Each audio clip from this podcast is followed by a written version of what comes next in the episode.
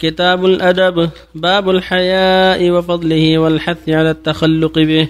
عن ابن عمر رضي الله عنهما أن رسول الله صلى الله عليه وسلم مر على رجل من الأنصار وهو يعظ أخاه في الحياة فقال رسول الله صلى الله عليه وسلم دعه فإن الحياء من الإيمان. متفق عليه. وعن عمران بن حسين رضي الله عنهما قال قال رسول الله صلى الله عليه وسلم الحياء لا يأتي إلا بخير متفق عليه. وفي رواية لمسلم الحياء خير كله أو قال الحياء كله خير. وعن أبي هريرة رضي الله عنه أن رسول الله صلى الله عليه وسلم قال الإيمان بضع وسبعون أو بضع وستون شعبة. فأفضلها قول لا إله إلا الله وأدناها اماطه الأذى عن الطريق والحياء شعبة من الإيمان متفق عليه. وعن أبي سعيد الخدري رضي الله عنه قال كان رسول الله صلى الله عليه وسلم أشد حياء من العذراء في خدرها فإذا رأى شيئا يكرهه عرفناه في وجهه متفق عليه. بسم الله الرحمن الرحيم. الحمد لله.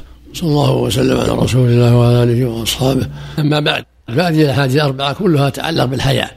والحياء هو كف النفس عما لا ينبغي.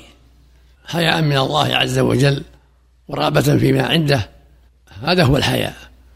أما الذي يمنعه حياء عن الدعوة إلى الله والأمر بالمعروف والنهي عن المنكر والقلب بالحق هذا ليس بحياء. هذا يسمى جبن يسمى عجز. خبر. إنما الحياء هو الخلق الكريم الذي يحملك على مكارم الأخلاق ومحاسن الأعمال ويكفك عن سيء الأخلاق التي يستحيا منها. ولهذا قال عليه الصلاة والسلام الذي يعظ أخاه في الحياة دعه فإن الحياة من الإيمان. دعه يستحي لا تمنعه من الحياة فإن الحياة من الإيمان. قال عليه الصلاة والسلام الحياء خير كله. وقال في لفظ آخر الحياء لا يأتي إلا بخير. قال صلى الله عليه وسلم الإيمان بضع وسبعون شعبة فأفضلها قول لا إله إلا الله وأدناها إمارة الأذى عن الطريق والحياء شعبة من الإيمان. الصلاة والزكاة والصوم والحج والجهاد والأمر بالمعروف والنهي عن المنكر وبر الوالدين صلة الرحم إلى غير هذه من وجوه الخير كلها من شعب الإيمان. ومن جملة ذلك الحياء الذي يحملك على مكارم الأخلاق ومحاسن الأعمال ويزجرك عن سيء الأخلاق وسيء الأعمال.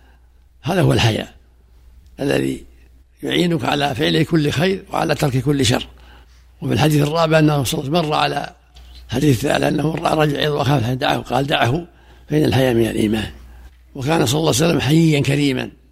وإذا كره شيء عرف الكراهة في وجهه أشد حياء من الله في خدرها الحياء يعني أنه يترك ما يستحيا منه ويحث على الحياء.